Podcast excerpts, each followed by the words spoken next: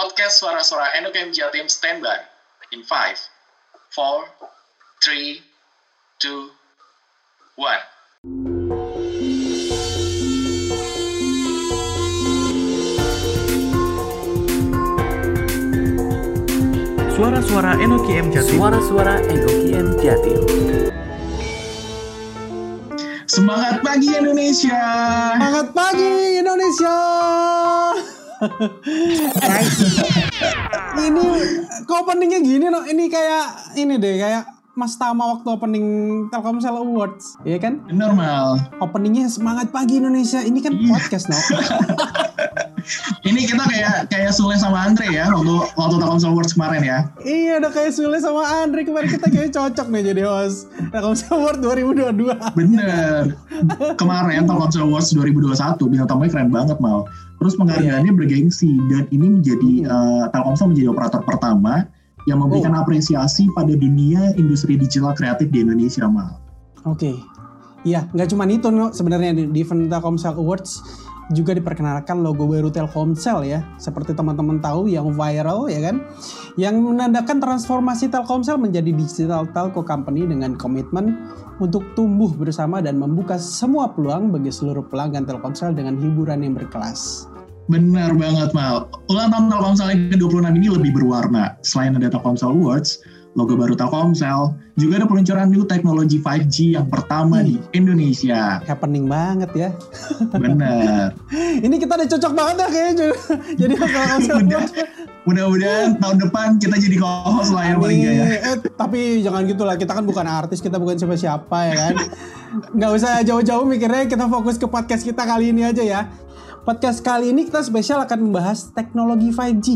Kalau kata Telkomsel, buka semua peluang ya kan. Kita akan coba buka peluang apa saja yang bisa digali dari teknologi ini dan perannya untuk industri games. Mungkin bisa diperkenalkan Rino dengan siapa? Kita kedatangan tiga orang bintang tamu yang pakar nih Mal di bidangnya masing-masing. Yang Ya. pertama kita kedatangan dari eh, Mas Hari Utama, manajer network Master Plan Telkomsel. Yang kedua kita kedatangan dari teman-teman fans, Fardania Mas Tuti yang akrab disama Mbak Angki dan juga Mbak Artiarini Kusuma eh, yang akrab dipanggil dengan nama Mbak Tia. Ya, mereka berdua adalah dosen dan juga kreator teknologi game Politeknik Elektronika Negeri Surabaya, Mal, atau yang dikenal dengan PENS. Ya. Langsung aja, tanpa berlama-lama, kita sambut yang meriah Mas Hari, Mbak Angki, dan juga Mbak Tia. Pagi. Selamat pagi. Pagi. Kita tanya-tanya dulu kali Mal ya. Iya Kayaknya eh, kurang seru nih kalau kita nggak tahu nih eh, tentang keseharian mereka. Yang pertama dulu kita tanya dari Mas eh, Hari. Halo Mas Hari, apa kabar? Pagi Mas Rino. Alhamdulillah sehat. Ya, Mas boleh tahu nggak sih kesibukan eh, sekarang tuh eh, seperti apa sih dari Mas Hari? Ya, eh, makasih Mas Rino. Jadi sekarang saya menjabat sebagai manajer network master plan di Telkomsel. Eh, mungkin secara singkat eh, di departemen saya adalah departemen yang menghandle untuk eh, formulasi dan pembuatan teknologi roadmap eh, Telkomsel untuk lima tahun ke depan dan salah satunya tentang teknologi strategis eh, terkait 5G juga. Oke, siap. Selanjutnya Mal, silakan ditanya-tanya nih dua bintang tamu kita yang lainnya. Bagaimana Teh Angki? Apa kabar? Tempat kesibukannya Mbak Tia juga. baik, Alhamdulillah. Ini Ya. baik. Alhamdulillah. Teh Angki sama Mbak Tia ini satu ruangan atau teman akrab atau Halo. beda ruangan apa gimana? kita kebetulan satu departemen, Oh, cuman departemen. per tahun kemarin Teteh ditugasin jadi eh, kepala program studi multimedia broadcasting yang ada di Lamongan. Jadi fans sekarang eh, eh, ada dua ya, ada yang di Lamongan, juga ada yang ada di Sumeneb. Jadi yang eh, di Madura bisa sama sama fansnya, cuman kuliahnya pun kami yang mengajar ke sana. Jadi tiga bulan sekali gitu. Tapi kita di satu departemen, eh, departemen teknologi multimedia kreatif. Jurusannya itu ada teknologi multimedia broadcasting. Terus ada jurusannya Mbak Tia di sini ya, teknologi game. Kebetulan Teteh juga ngajar di situ, tapi Teteh bukan eh, bernaung di situ ya, gitu ya. Terus ada yang barusan banget, eh, barusan banget tuh ada teknologi rekayasa multimedia.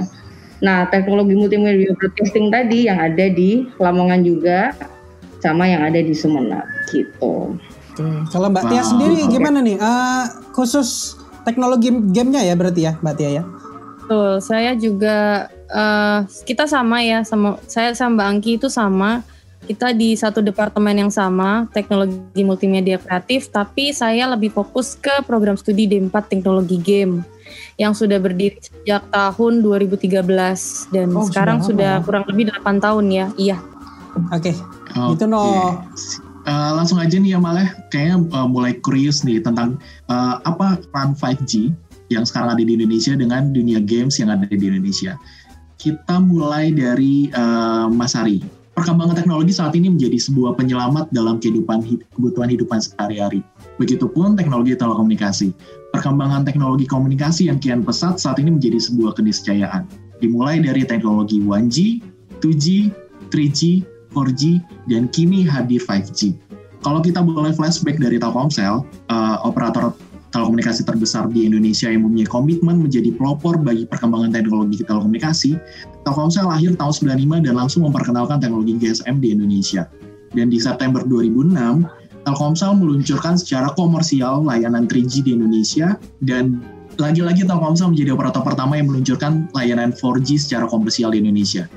Uh, surprise uh, di Mei 2021 Telkomsel menjadi operator pertama di Indonesia menghadirkan layanan 5G.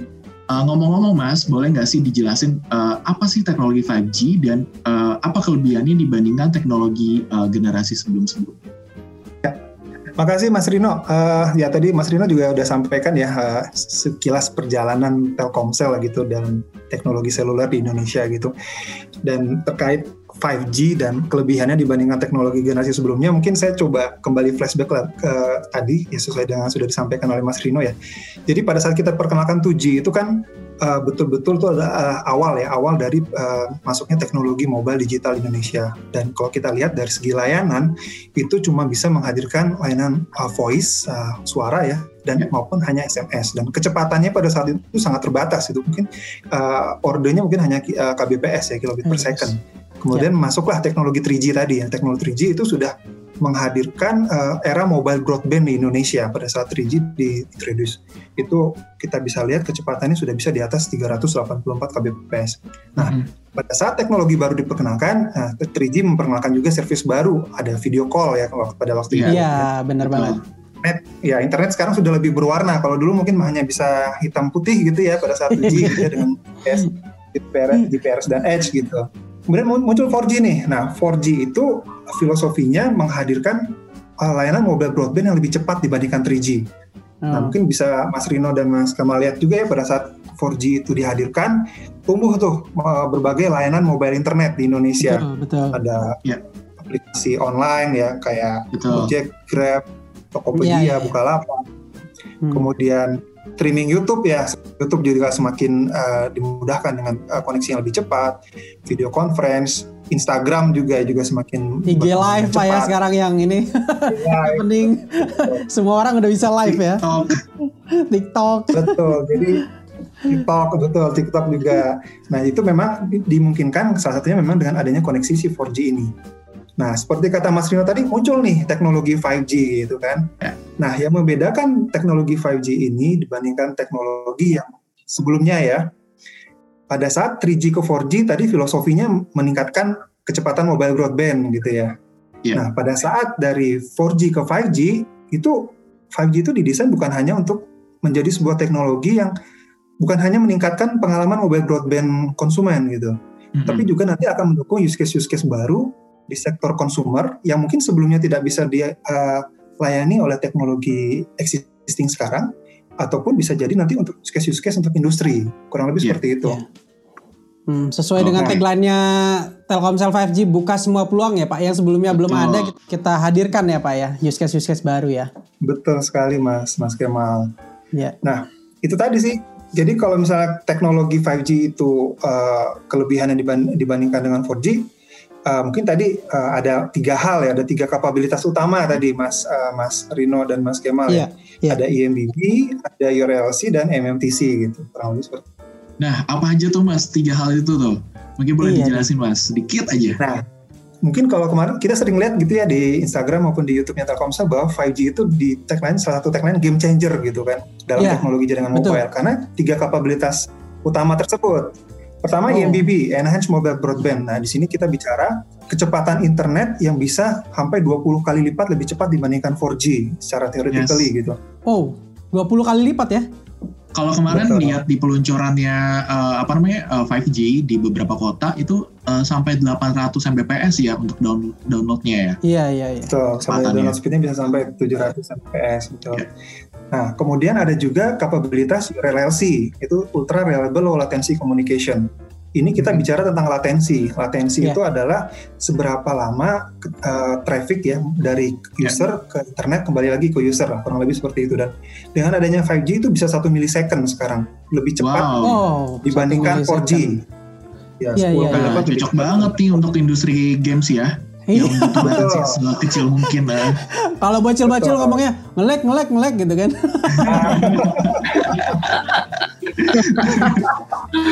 padahal, padahal speednya udah banter, cuma ngelek aja, nggak tahu HP-nya yang kurang kenceng kalau Yang satu lagi ada Massive Machine Type Communication. Oh, itu Massive kita bisa bicara jumlah device yang terkoneksi di jaringan 5G. Itu 10 kali Hmm. lipat lebih banyak lebih banyak dibandingkan teknologi 4G. Nah, ini kita Hmm. bicara tentang sensor-sensor, IoT, Internet of Things gitu ya yang bisa Iya. diterapkan secara masif. Sebagai contohnya seperti di uh, smart city gitu misalnya. Ya. Nah, kurang lebih seperti itu. Kita bisa lihat uh, kelebihan teknologi 5G dibandingkan generasi sebelumnya.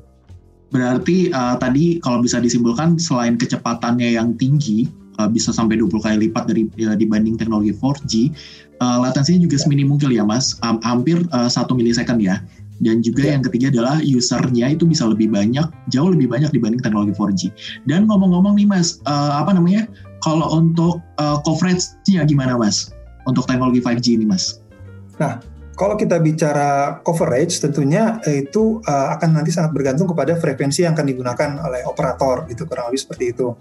Dan tentunya eh, di kita eh, untuk eh, mendeploy coverage tersebut, kita akan melakukannya secara terukur ya. Kita, akan melihat eh, secara bertahap, kurang lebih seperti itu untuk eh, pengembangan di sisi coverage-nya. Ber- Berarti banyak banget nih Mal eh, kelebihan dari teknologi 5G dibanding teknologi-teknologi sebelumnya. Dan saat ini Telkomsel juga memperkenalkan teknologi Voice of LTE atau VoLTE. Eh, Kira-kira apa sih Mas fungsinya Voice of LTE ini Mas? Faulty, faulty Nah, ya kita kalau sebutin ya. Faulty ya. VoLTE. Ya, faulty. Betul. VoLTE ini jadi Telkomsel juga sudah meluncurkan uh, layanan VoLTE-nya ya uh, yang lalu.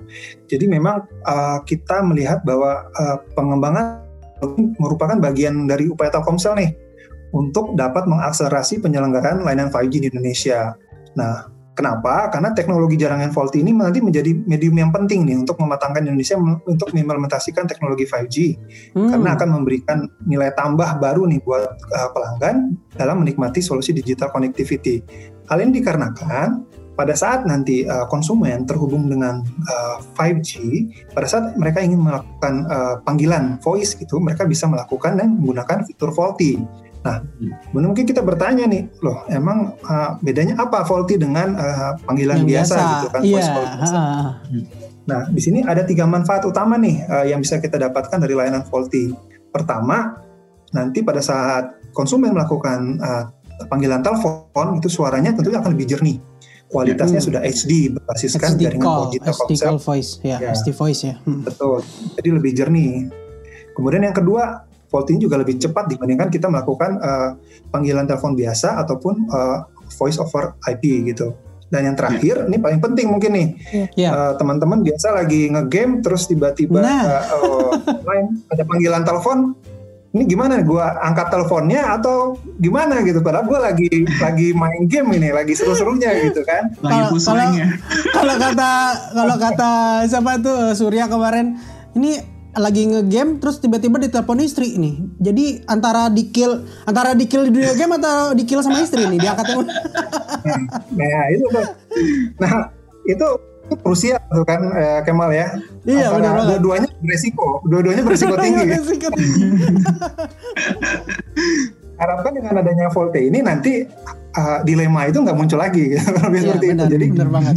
Jadi dengan adalah layanan VoLTE, pelanggan tetap bisa bebas nih menggunakan akses internet, streaming video, main games saat tersambung dengan telepon suara gitu. Kurang lebih seperti itu. Iya.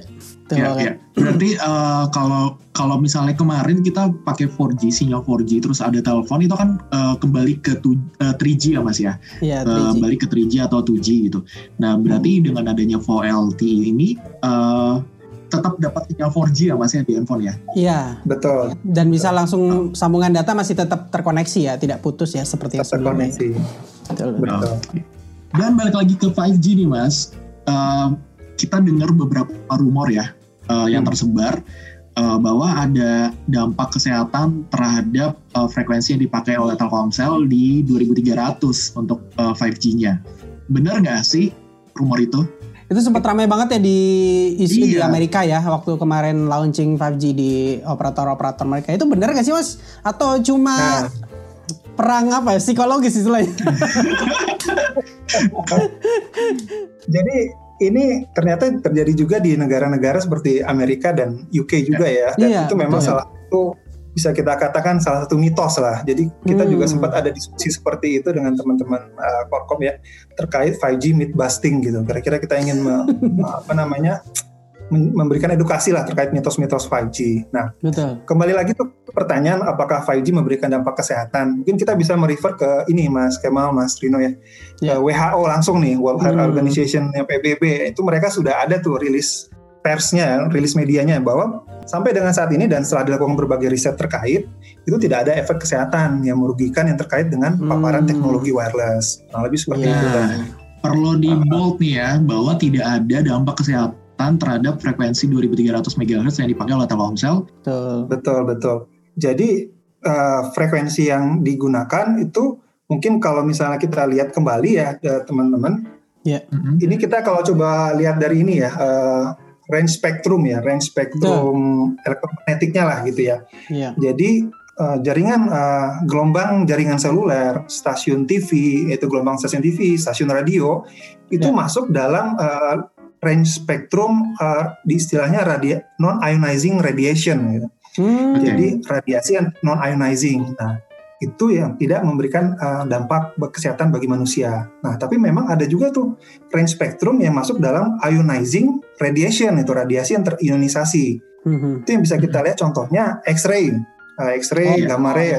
Contohnya kalau kita ronsen ya misalnya ya, Ya, memang fungsinya Nah, itu kan- seperti itu kalau itu ya. Ah, betul. betul. dan itu nggak boleh sering-sering juga kan kalau kita ronsen gitu ya kan sudah ada Iya, iya. medisnya lah gitu, eh, hitung-hitungan secara medis. Nah, antara non ionizing radiation yang tadi itu yang jaringan seluler dan ionizing radiation range yang satunya lagi tuh jauh sangat jauh sekali gitu rentang jaraknya lah gitu. Jadi memang eh, bisa dikatakan itu eh, tidak menimbulkan eh, dampak kesehatan lah ke manusia kurang lebih seperti itu. Oke, sudah menjawab rumor-rumor yang beredar nih di masyarakat. Ternyata frekuensi 2300 MHz tidak menimbulkan masalah kesehatan karena radiasinya sekecil mungkin ya, dan itu Ya. sudah dirujuk dari WHO. Iya, benar banget. Ih, 5G Nah. udah nih kita obrolin ya tadi ya. Benar. Evolusinya dari dulu 1G itu 5G benefitnya, rumor-rumor kita Ya. dijawab semua. Sekarang kita beralih ke narasumber kita satu lagi. Industri kreatif. industri kreatif Salah satu game industri kreatif. ah, yang akan Ya. menjadi use case kita di teknologi 5G ini. Eh, untuk Mbak Tia dan Teh Hangki, industri kreatif saat ini menjadi salah satu penggerak kebangkitan ekonomi Indonesia dan games menjadi salah satunya. Bagaimana perkembangan game saat ini di Indonesia? Dalam laporan Global Consumer Survey, dia menyebutkan pendapatan industri game online di Indonesia itu 1,29 miliar US ya Oh, di tahun 2020 2020 nih ya kemarin ya, kemarin banget ya pas pandemi ya. Terus 1,49 miliar US ya sekitar du- eh, menuju 20 miliar ya di 2021.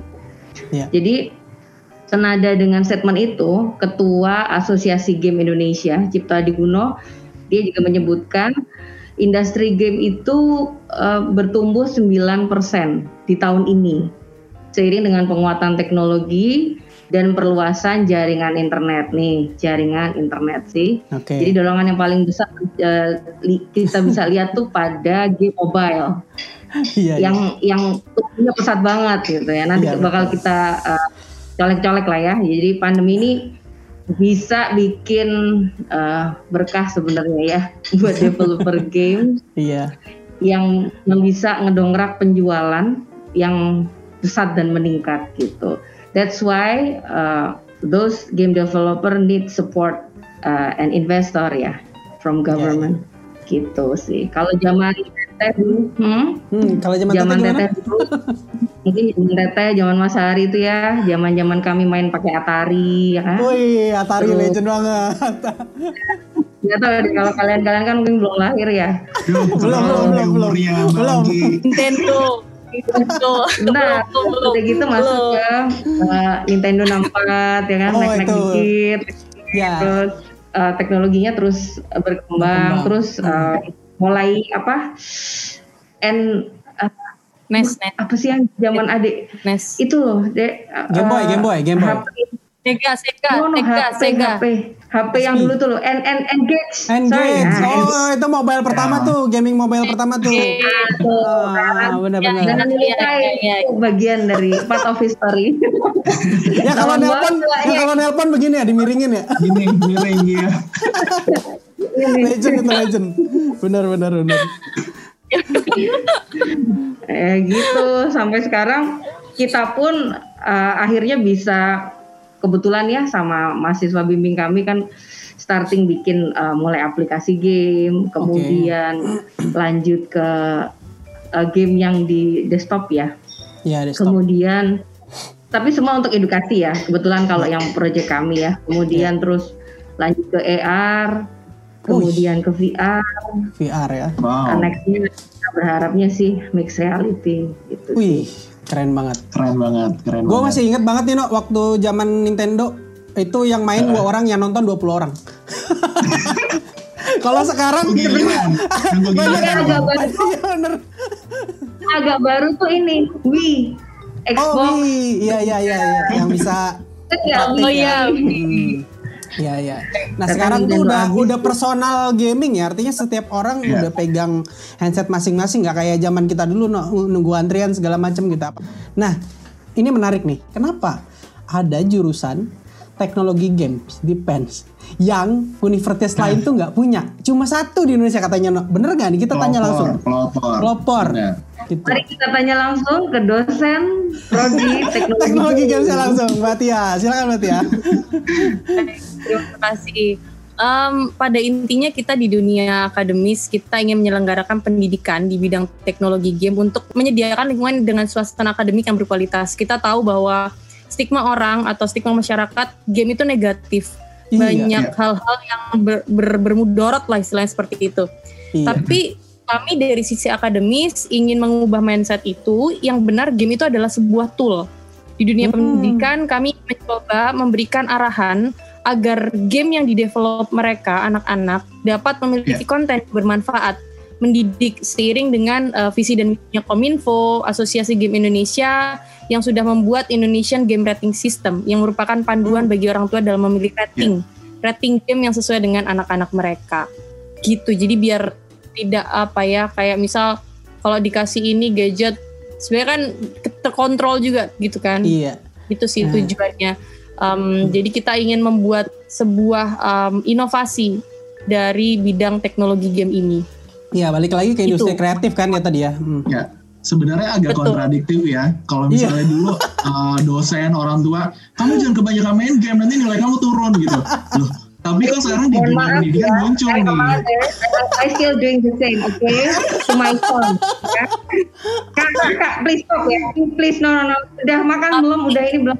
ya betul tapi kalau di prodi game ini kita belajar tentang network jadi gini game multiplayer online jadi kan Oke. kita tahu nih eh, kalau pl- multiplayer online tuh kerjanya seperti apa jaringannya mau Ya. dibuat seperti apa lalu lebih ke pemrograman kita eh, mostly yang kita ada di kurikulum seperti itu Iya, iya. di, di luarnya di luar teknis ada narasi, ada storyboard, ada desain, ada Iya. benar banget. musik seperti itu. Kalau kita ini eh, tahu di akhir-akhir ini ada game Cyberpunk 2077 itu ya yang yang sangat sangat Iya. populer ya di kalangan gamers ya. Itu benar-benar desainnya bagus, grafisnya bagus, tematiknya Ya. bagus, desain bajunya bagus, semuanya bagus. Artinya nggak semudah itu ya bikin games ya. Artinya harus banyak eh, pihak yang terlibat, baik programmer, eh, tim kreatif, artisnya, bahkan ya begitu ya Teh ya. Ya, betul. Musiknya pun juga dipilih Musiknya kan pun juga dipilih. berdasarkan riset. Dan Iya, itu semua ada di teknologi game pens. Ada, Diajarkan, ada. Diajarkan ya. ada. Kita belajar itu tadi game desain game multiplayer online. Hmm. Bagaimana sih game multiplayer online itu berjalan? eh, jaringannya harus dibuat seperti apa? Lalu em, pemrograman bagaimana? Di luarnya juga kan kita ada non teknisnya seperti yang sudah saya sampaikan tadi. Yang penting juga ada psikologi game. Oh iya betul ada psikologi. Kita ada Oh, apa mata kuliah psikologi. Apa itu itu kan ada kaitannya itu? pertanyaan eh, sorry pernyataan yang tadi eh, eh, related with impactnya ya impact Impactnya. kalau orang main game eh, sekian jam kemudian Iya. mungkin eh, bisa jelasin tambahannya deh Hmm. Ya, Boleh tahu nggak Teh Angki sama Mbak Tia eh, di di prodi eh, teknologi game ini D3, D4 atau S1 atau gimana nih? D4 ya. D4 D4. ya. Kesemuanya Ada D4. batas Jadi umur nggak nih eh, untuk masuk ke situ? Kayak Ada yang minat nih, daftar itu, ada yang minat daftar. umur nggak nih? itu nggak bisa kerja loh ya sekarang kami politeknik kan kuliahnya memang padat ya karena kan kami memang menekankan di praktikum ya Oh, Betul. kita emang unggul di praktikumnya makanya tadi yang kayak tugas eh eh, projectnya mesti jadi satu game iya. meanwhile kita tahu kan bikin game tuh nggak cuman halah game main lo no no no ya itu kalau main ya kan Iya, iya, iya. Game Iya. bikin nggak sesimpel itu gitu. Nih, kan sekarang tadi udah kita tanya teknologi game gimana. Sekarang kita mau tanya karya-karya yang telah dilahirkan dari teknologi game pens eh, seperti apa saja dan mungkin kerjasamanya dengan apa saja yang sudah pernah dijalin teh. Eh, jadi dilihat di Play Store teknologi game pens. Ya. Nah itu ada macam-macam game mahasiswa kami sebagai acuan TA-TA mereka seperti apa itu ada di salah satu game yang sudah ada di Play Hmm. Store kami. Ada yang bintang berapa nih? Bintang empat setengah ya. Berarti udah ini ya, udah sangat Iya. diminati oleh oleh pengguna Play Store ya, Betul. Android ya. Ini lebih ke game edukasi ya kalau dilihat ya. Kuba, kisah Usman Iya. bin Affan ya. Ya Ya ya ya. ini game edukasi untuk anak-anak. Jadi di Oke. dalam ini TA ya di dalamnya ada Oh, tugas akhir ya. sedikit. Iya, Jadi kalau kita ini- bisa memberikan informasi uh, terkait apa yang mereka butuhkan ya. Makanya kan game edu itu tadi ya, uh, Mas Kemal dan Mas Rino ya. Iya. Slime Dominator itu juga Ya, Slime Dominator ini juga bagus nih. ya Ya, Feed ya. the Rabbit itu the Rabbit memang dari sisi gameplay kurang tapi dari sisi animasi oke kalau kemarin itu ada di mata kuliah desain game dua dimensi. Oh iya, ya, lebih bagus ya ininya ya. Eh, sudah lebih smooth ya. Iya. Iya. Kalau kalau misalnya kita lihat-lihat dari beberapa games yang dikeluarkan di teknologi game pens, Iya. eh, sasaran sasaran utamanya seperti apa sih Mbak Mbak Tia dan Mbak Angki untuk edukasinya? Apakah untuk anak-anak eh, atau eh, semua kalangan nih kita edukasi nih gitu? Semua kalangan ya. Ka- uh, jadi ada yang mungkin bikin untuk uh, kindergarten, ada yang untuk elementary, ada yang untuk junior high school, ada yang untuk senior, ada yang memang jadi uh, setiap project atau tugas akhir mereka kan pasti akan di harus menentukan range usia. Jadi batasan kan nggak mungkin kita akan bikin nah kayak contoh nih ya uh, one of our products ya yang AR yang tahun kedua tentang augmented reality Iya. kami bekerja sama dengan Universitas Airlangga karena di situ ada uh, Fakultas Farmasi ya. Tanaman obat keluarga kan ada di situ ya. Jadi Iya. uh, saya uh, discuss dengan salah satu profesor di sana. Kemudian anak sekarang, mohon maaf nih kan uh, nilai-nilai na- nasionalismenya juga ya udah bergeser ya. Jadi Ya. walaupun kita sudah di era yang online game ya dan lain-lain, tapi sebisa mungkin kita tetap bisa menanamkan ya itu nilai-nilai yang harus ditumbuhkan di mereka ya. Hmm. Mereka rata-rata tahu tanaman tapi nggak tahu sebenarnya Indonesia tuh kan kaya kaya kaya, Kayak banget kayak gitu. tanaman obat ya. Iya. Kayak contoh di pandemi ini, nggak usah jauh-jauh ya. Sebenarnya kalau kita sakit atau kita punya ada ada tanaman jahe bisa bikin lega tenggorokan mungkin ya. Nah Iya. jahe itu kan ada namanya sendiri. Kemudian eh, karakteristiknya seperti apa, manfaatnya apa. Nah, itu kita kaitkan dengan kurikulum yang ada di uh, SMP ya. Kemudian uh, mata pelajaran biologi, kemudian ada di part uh, chapter yang mana. Nah, kita mau berusaha me-deliver ya uh, the message. Anak-anak kan kalau visualnya oke, okay, kemudian musiknya dia juga suka, mainnya kan juga oh iya ya, can play, learn. Ya itu yeah, aja. Yeah, yeah. Jadi masuknya memang harus ke situ karena memang generasinya juga udah generasi beda. Kalau zaman benar, teteh suka baca novel nih, novel yang bener-bener nggak ada nggak ada gambar gitu. Gambarnya. Kemudian ya gak sih? Dan itu yeah, I can yeah. imagine many ya kan. Ah, uh. sekarang nggak bisa visual, mesti bergerak. Gak usah gitu kayak teteh sama uh, Mbak Tia ya. Itu kan udah beda atau sama Mas Kemal atau sama Mas Rino. Kalian pasti lebih uh, cenderung ah nonton YouTube ah ah ya. main dulu ya sih ya, ya, ya, ya itu tadi gitu ya, ya, benar, jadi benar. pergeseran waktu ya oke okay, kalau bisa dilihat ini uh, kita lagi nonton displaynya Toga Plans ini game di yang sudah di develop sama Mbak Tia dan Teh Angki ini menggunakan teknologi AR ya untuk bisa iya. memvisualisasikan bagaimana bentuk tanaman itu ketika kita uh, arahkan atau pointing ke kart kart pembantu ya apa namanya flashcard. Ya, flashcard. Oh iya. Kemudian ada juga yang menggunakan VR. Ini kita mau lihat salah satunya. Dual Tour Toga Plans. Oh, sama juga ya, tapi VR ya, tapi VR ya. Hmm, Pakai okay. VR box, Pake bukan VR Google Cardboard. Ah, bedanya VR dengan AR itu apa kalau boleh tahu? Mungkin pendengar belum tahu nih beda VR nah, sama AR ini apa? Gimana sih bedanya nih Teh uh, VR dan AR ini? VR ini kan sudah ada interface-nya ya. Kita pakai bisa pakai apa Oculus Rift, bisa pakai Google Cardboard atau yang ini VR box. Ya. Um, memang tidak semua orang familiar dengan VR box. Ada yang punya gejala kayak pusing habis lihatnya, kadang Caesar, ada Caesar ya kita sebutnya namanya. Ya betul. Lalu kalau AR kita ada media marker. Tadi kalau yang pakai flashcard itu marker. Ada okay. juga yang markerless, jadi dia asal kamera ditaruh di salah satu objek, dia langsung bisa menandai. Jadi hmm. itu bedanya. Dia pakai yeah. biasanya kalau AR tuh pakai ini kan, device-nya handphone seperti yeah. itu.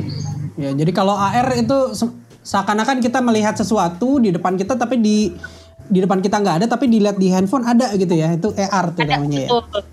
Iya, Tapi kalau di VR itu benar-benar dunia dunia dunia yang ada di situ 3D. sendiri ya. Ya, dunia 3D dunia yang ada di situ ya. Ada di dalam, ya, kita lihat dunia 3D dan seolah-olah kita ada di dunia 3D itu. Okay, Dengan menggunakan alat seperti Oculus Rift, ya. Cardboard ya. atau Google Cardboard tadi. Oke, okay, oke, okay, oke. Okay.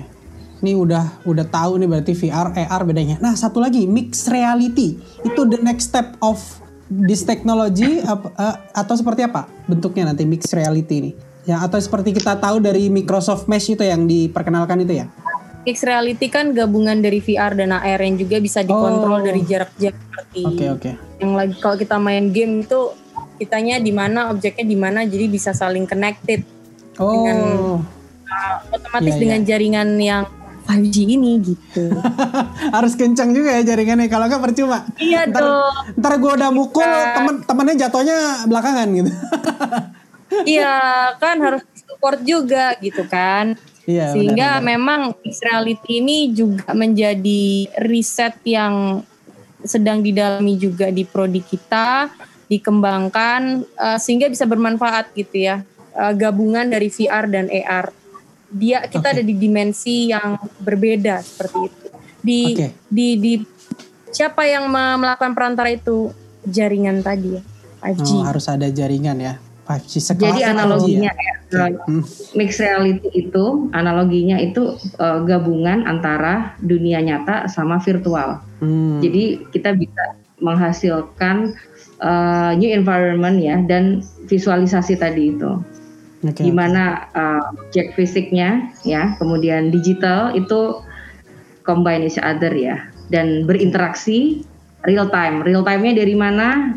5G harapannya. Oke. Okay. Nah, nah ini tantangan untuk bisa mewujudkan use case mixed reality yang sangat sebentar lagi kita bisa rasakan mungkin ya. Hmm, udah semua kita bahas tadi teknologinya, teknologi game pensel. Ih, lulusannya ke mana nanti? kerjanya? Ada nggak disalurkan ke mana nggak? Eh, khususnya di nasional mungkin udah ada perusahaan-perusahaan yang bisa menampung dari teknologi game pens ini. Alumni kita ada yang di Agate, uh, Agate Game Studio yang kerja di sana. Lalu ada juga uh, yang di Ruang Guru juga ada. Oh, guru juga jadi ya jadi artisnya. Ja- Jadi, Jadi- artis dan ini apa namanya? Kayak penulis naskah gitu kan kalau di Ruang Guru kan ada ya. Mm-mm. Lalu ada juga yang di dia bikin game develop sendiri, maksudnya Startup- studio game startup sendiri. Ya, startup sendiri ya. startup studio game sendiri eh, yang dia sudah membuild itu dari dia semester 3 hingga saat ini. Jadi Wow, malah membuka lapangan kerja gitu ya. wow. Oke. Ada juga yang ini nanti setelah lulus sudah ditar sudah diminta Game Love untuk kerja di Wow. sana. Ya, Game Love walaupun itu remote. Prancis itu kan? Prancis kan? Ya, Iya, Wow. betul. Wow, keren Ada keren keren. Keren lo. Jadi excited Karena ini. juga kita ada ya semakin excited. Ada kita juga melakukan MOU dengan pe- beberapa perusahaan game development itu tadi seperti Agate dan Game, Game Love, ada juga eh, apa namanya Mojiken yang terkenal di Surabaya gitu. Oke, berarti teknologi ekosistem sampai penyaluran pekerjaannya pun sudah ada ya. Jadi teman-teman Ya. yang tertarik dengan teknologi game nggak perlu khawatir gitu dengan eh, penyaluran pekerjaan hingga bisa mungkin berprestasi di salah satu industri game terbaik. Benar. Betul. Eh, Namal, eh, kalau Hmm. tadi kan yang bisa cukup umur nih untuk masuk pens. Nah, buat yang nggak punya cukup umur eh, atau udah lewat masanya, tapi dia tertarik banget pengen bikin games, boleh nggak Mbak Tia, Mbak Angki eh, kasih sedikit aja penjelasan gimana sih kiat-kiat untuk membuat games yang itu bisa bisa bikin eh, imajinasi kita tersalurkan, terus kreativitas kita tersalurkan itu gimana sih Mbak Angki, Mbak Tia tipsnya? Pertama kalau mau bikin game tuh pemrograman yang utama. Ya, pasti. Lalu yang kedua eh, ini apa namanya banyak-banyak main game. Terserah gamenya genrenya apa, mau oke, puzzle, oke. mau FPS, Iya, iya. mau genre apalah banyak kan genre. Bahkan saya sendiri lebih suka genre game puzzle yang tidak terlalu ekstrim gitu ya seperti genre game yang lain. Iya, iya. lalu lebih uh, fokus ke desain art yang lagi hype sekarang. Misal tone color warna yang lagi hype apa nih? Misal pastel atau warna-warna yang ngejreng. Iya, iya. ya badan kan kan lebih orang lebih tertarik gitu ya kalau lihat desain lalu musik nah musik ini yang lebih paham mbak Angki sih Iya, eh, nerusin kita tahun lalu nih Mal ya. Jadi Iya. kalau seperti tadi yang Mbak Tia juga bilang, kalau mau bikin game kita mesti ngedeketin dulu sebenarnya yang yang kita suka tuh apa sih model yang Hmm. seperti apa. Musik juga Iya. gitu. Eh, setiap manusia tuh kan punya kenyamanan masing-masing ya. Ya Iya. Teteh misalnya doyan Hmm. demen musik jazz. Mungkin Tia beda, mungkin dia lebih suka keroncong. Eh sorry dek, kayaknya eh, Hmm, Eh, di spill, di spill, di spill, di spill.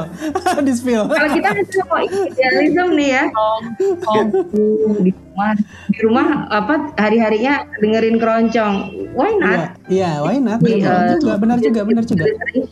buat buat game kita yang Tergantung segmennya tergantung. juga berarti ya, tergantung segmennya. Kalau misalnya segmen main puzzle orang tua atau coloring, mungkin musiknya bisa yang lebih calm gitu kan Betul. untuk game-game yang Betul. adrenalin ada bisa music musik yang juga gitu jadi Pumping uh, gitu. one one Hmm. of product also ya uh, kayak uh, orang capek gitu ya mereka butuh istirahat sebentar kan sebel kayak Iya, sering kan nah, kita kan sering banget Iya. kan lem- mesti melembur lagi gitu kan Iya, iya, iya. Uh, dua tahun yang lalu ya kita juga build itu kayak Hmm. bantal leher gitu bantal Oh. leher kemudian musiknya kita create sendiri create Hmm, nah itu musik relaksasi karena sudah ada risetnya juga why relaxation music iya, iya. jadi mana yang masuk ke uh, apa namanya frekuensi alfa delta gamma yang yang ada di otak manusia sehingga dia bisa masuk saat itu dia bisa istirahat sebentar sebelum akhirnya melanjutin kerja lagi bisa sambil main Oke. game nah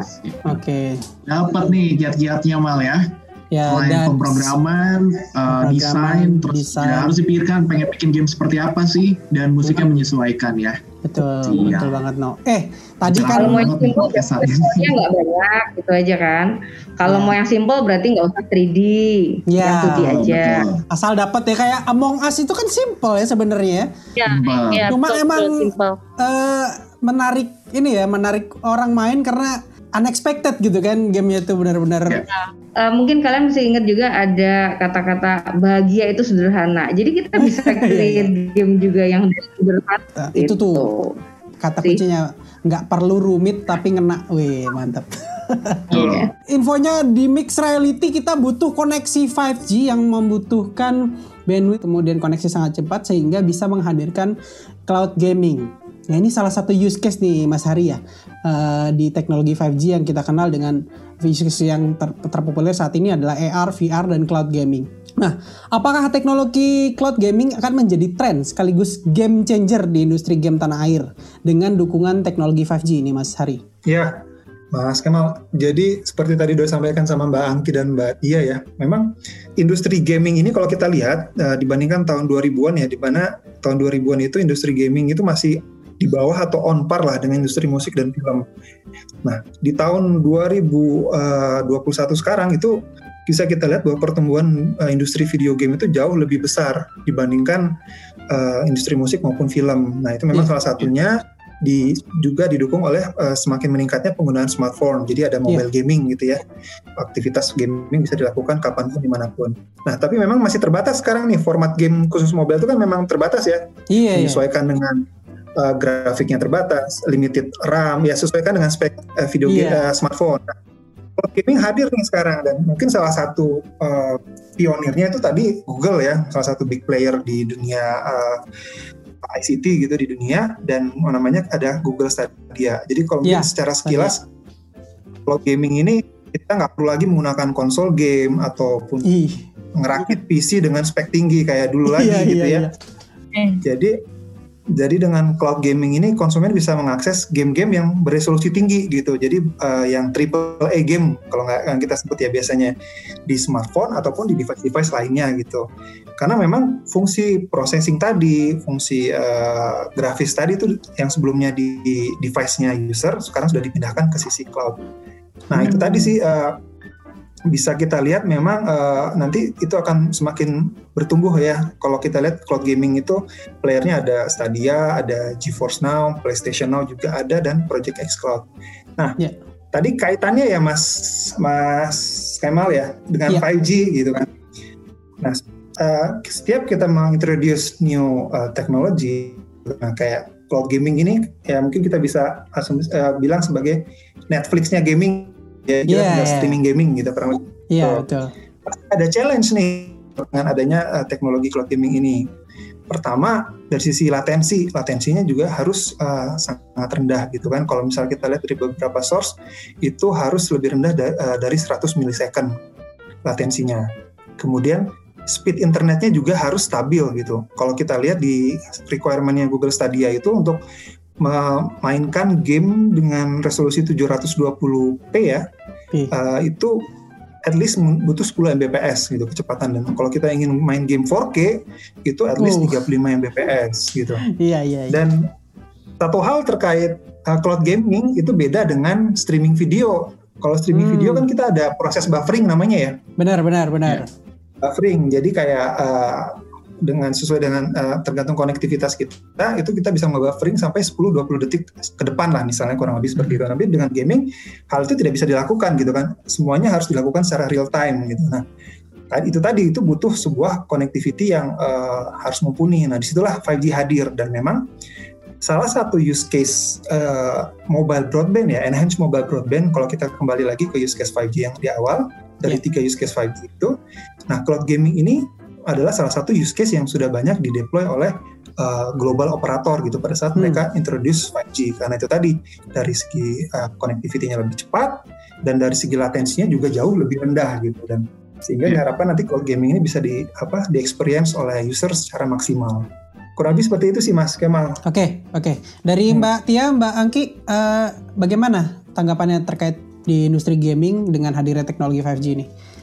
Baik, jadi meleng- eh, menambahi dari sisi Mas Hari ya, kalau dari sisi Ya. developer, kebutuhan internet dengan bandwidth yang lebar sangat dibutuhkan. Jadi ada beberapa game engine seperti Unity, Xcode dan macam-macamnya sudah banyak menyediakan layanan cloud rendering. Oh, Jadi dukungan teknologi 5G itu sangat tepat untuk mendukung cloud gaming bagi para game provider, pemain, dan juga bagi para game developer. Ya, akan Ya. sangat membantu untuk build testnya, deploy-nya, dan pengembangan lagi ke teknologi game yang mau dikembangkan oleh kami dari sisi developer. Seperti itu sih mas. Oke, berarti nggak hanya ini ya, nggak hanya eh, sebagai game changer, cloud gaming ini juga menghadirkan ada layanan-layanan yang mengikuti dari eh, belakangnya seperti pendekatan cyber physical system di mana virtual concert eh, di VR itu akan dihadirkan, kemudian edutech, eh, kemudian health tech gitu di mana kalau nggak salah ini ada program ya di pemerintah di mana guru-guru sudah diajarin bagaimana membuat materi menggunakan VR ya Eh, sehingga Iya. orang yang belajar dengan VR itu seakan-akan memang eh gurunya di depannya nggak hanya di kaca eh, laptop seperti biasa gitu ya. Nah, inilah use case use case yang kita akan hadapi di beberapa tahun ke depan. Mungkin udah mulai, cuma kita nggak tahu aja. Harus kita coba coba sendiri gitu ya. Iya. gitu. Seru banget kita udah bahas panjang lebar ya tadi dari eh, teknologi 5G Teknologi sendiri, 5G-nya, kemudian betul. teknologi gamenya, penggunaannya Betul. sampai pada akhirnya kita membicara cloud gaming di mana kita bisa menghadirkan game yang berpaku pada konsol tapi juga game yang bisa dihandalkan menggunakan jaringan 5G yang tentunya Benar itu banget, sangat Val. sangat ekonomis ya di mana kita kalau Ya. hari-hari bawa Oculus VR itu mungkin segede apa gitu. balik ke kesimpulan animal sebelum kita tutup acara hari Iya. ini. Uh, uh, untuk Mas Hari, uh, Mas Hari, uh, Pak Bapak Heri Thohir, Menteri uh, BUMN, kemarin bilang nih pada saat peluncuran 5G, 5G Telkomsel menjadi game changer dalam transformasi digital. Apa sih yang kira-kira akan dilakukan Telkomsel untuk memaksimalkan implementasi 5G dalam transformasi digital di Indonesia nih Mas? Jadi sejak kita sudah melakukan launching ya tanggal 27 Mei yang lalu dan kita menjadi operator pertama nih di Indonesia yang melaunching 5G teknologi 5G secara komersial. Kemudian kita sudah melakukan pengembangan ekosistem eh, 5G secara bertahap dan terukur. Dengan kita sudah meluncurkan juga tuh layanan Telkomsel 5G di beberapa kota lainnya gitu kan. Dan seperti Solo, Medan, Balikpapan, termasuk Surabaya juga, Makassar, Bandung, Batam dan Denpasar. Dan itu eh, kita eh, coba maksimalkan kita bukan hanya menghadirkan layanan untuk konsumer gitu ya seperti konten-konten eh, ultra high definition dan 5G FWA gitu. Kita juga berkolaborasi dengan eh, akademisi universitas gitu ya di yang kita lakukan di Bandung untuk mendukung riset dan penelitian terkait pengembangan teknologi 5G untuk memaksimalkan implementasi 5G ini kita juga berkolaborasi dengan industri gitu. Kita lakukan di Batam gitu kan supaya kita bisa mengakselerasi adopsi 5G di sektor industri dan bagaimana kita bisa menginspirasi nih bagi, eh, terkait penggunaan 5G untuk pelaku industri lainnya. Nah, harapannya dengan kita melakukan pendekatan yang holistik tersebut gitu ya, bukan hanya ke B2C, B2B juga dan akademisi juga gitu. Diharapkan nanti eh, Telkomsel 5G ini ya, itu tadi bisa lebih membuka lebih banyak peluang untuk riset, pengembangan inovasi gitu kan, mau pemanfaatan teknologinya juga diharapkan juga tepat guna gitu ya. Nah, eh, diharapkan nanti masyarakat Indonesia itu bisa menjadi apa ya smart digital planner gitu ya, yang Oh, juga bisa turut serta mendorong transformasi Indonesia menuju apa ya eh, kemandirian digital yang lebih baik lagi gitu. Benar. Ya seperti sudah disampaikan juga eh, oleh eh, Pak Presiden Jokowi ya pada waktu itu di salah satu musyawarah eh, pembangunan nasional bahwa jangan sampai eh, konektivitas digital 5G ini kita hanya menjadi pengguna. Nah itu tuh Ya. intinya tuh. Ya, kan Ya. kita juga bisa ber kolab- berkontribusi uh, secara lokal juga gitu. Bagaimana kita bisa mengembangkan ekosistem lokal untuk uh, pengembangan transformasi digital ke depan. Gitu. betul betul. Ya. Jangan Berarti, uh, hanya dengan jadi pengguna, hadirnya no, 5G, katanya. Betul. Dengan hadirnya 5G yang sudah diluncurkan oleh Telkomsel di 9 kota sampai hari ini, uh, ternyata punya alasan tersendiri ya. Misalnya di Denpasar untuk menghidupkan kembali industri uh, pariwisata misalnya gitu ya. Terus habis Betul. itu di Batam untuk industri uh, di sana dan juga di Bandung untuk uh, dunia pendidikan seperti itu. Dan Ya, infonya kan tadi tidak hanya jadi pengguna, kita harus menjadi salah Oh. satu produsen kreatif juga nih. Bagaimana poin penting agar dunia pendidikan kita relate dengan industri 4.0 yang akan segera kita es- establish, terutama industri game. Bagaimana tanggapannya Mbak Tia Teangki? Um, tren 5G ini juga sedang kami eh, kembangkan ya eh, bersama dengan salah satu studio animasi di Surabaya dalam riset cloud rendering yang juga pasti membutuhkan dukungan teknologi 5G. Ini juga dikembangkan dari sisi edukasi, dari sisi teknologi, apa-apa aja yang kurang dari kita sehingga nanti kita bisa support untuk riset kita yang kita lakukan nanti di kemudian hari. Kami pun nextnya akan ada program doktor terapan ya menunggu eh, izin ya dari Dirjen Vokasi ya kebetulan beberapa saat lagi eh, akan ada dikirim tim ahli ke sana untuk presentasi Hmm. karena memang persyaratan dari mereka adalah harus ada dulu sarjana dan masternya Hmm, oke. Sedangkan kita punya itu gitu ya itu cyber physical system Cyber physical system, di mana kalau kita tahu cyber physical system ini dunia cyber dan dunia real world digabungkan ya, seperti uh, tagline-nya industri 4.0 ya. Mhm. Oke, oh berarti Jadi, itu sudah di- akan di- dihadirkan di- bentar lagi ya di PENS ya? Iya, iya. Tinggal Oh, wow. approval ya. wow. Oke, oke, oke. Berarti berarti aku bisa masuk S3-nya nih ya. Cocok, cocok. Ditunggu. Oke. Tadi sudah kita dengar semua kesimpulan dari obrolan ini di mana eh, Telkomsel sebagai game changer di industri transformasi digital, kita juga turut melakukan implementasi ya, implementasi dalam percepatan industri 4.0 di mana 5G salah Balik satu lagi ke tagline-nya Mal. ya, buka semua Buka peluang. Semua peluang. Benar banget. Kemudian dari dari sisi pendidikan juga udah mempersiapkan bagaimana untuk menyambut industri 4.0 ini juga no. eh, Ya. Jadi ada salah satunya tadi menghadirkan cyber physical system yang akan dihadirkan di PENS dalam waktu dekat ini. Oke.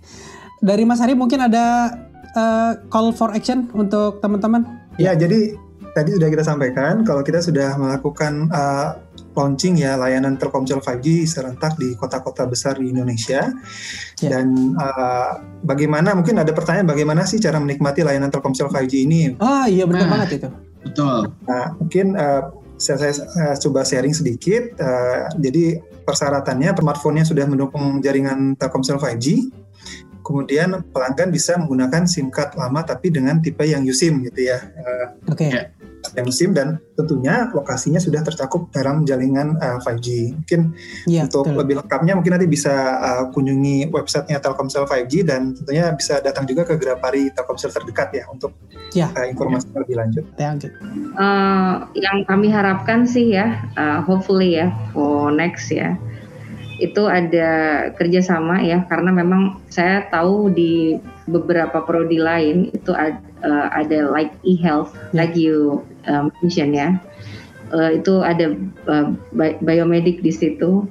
Ya. Eh, kita sangat membutuhkan jaringan 5G ini. Selain untuk AR, VR, and the next uh, MR ya.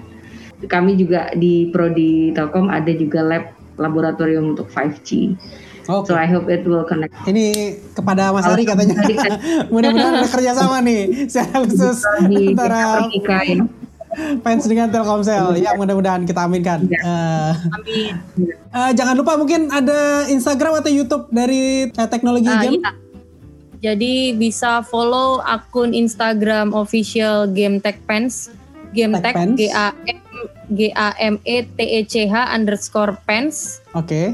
Is IG-nya itu Eh, ya. Play Hah? Store ya Play Store di teknologi Game Pens Oke. dan YouTube-nya juga Game Teknologi Pens. Dan ki- kalau mau tahu informasi tentang Game Tech bisa kunjungi website di gametech.pens.ac.id. Oke. Seperti itu mau. Jadi untuk pendaftaran eh, mahasiswanya ke website itu ya? Bisa Iya. di website itu ya untuk eh, atau di Tahun ajaran baru. ya atau di website official pens di pens.ac.id. Oke. Dan jangan lupa dengerin podcast kita di Langit Musik juga di suara-suara.nokiem Jatim karena kita sudah hadir juga di Langit Musik, tidak hanya di Spotify. Gitu ya Noya? Bener banget, gak cuma di Spotify juga ada di Langit Musik. Dan sekali lagi terima kasih banyak untuk Mas Hari, Mbak Ya. Anggi, dan juga Mbak Tia untuk semua insight yang sudah dibicarakan mengenai teknologi 5G dan juga industri game yang ada di Indonesia dan juga buat semua para pendengar yang sudah menyaksikan uh, podcast kita kali ini. Dan jangan lupa nantikan juga uh, podcast kita berikutnya. Jangan lupa uh, kita juga mengingatkan buat teman-teman tetap waspada, selalu menggunakan masker, jaga jarak jika harus bepergian, jauhi kerumunan dan juga jangan lupa vaksin ya Mal ya. Paling. Vaksin. Sekarang udah rame, nggak usah ada nggak ada alasan lagi gitu ya. Oke, akhir kata saya Kemal.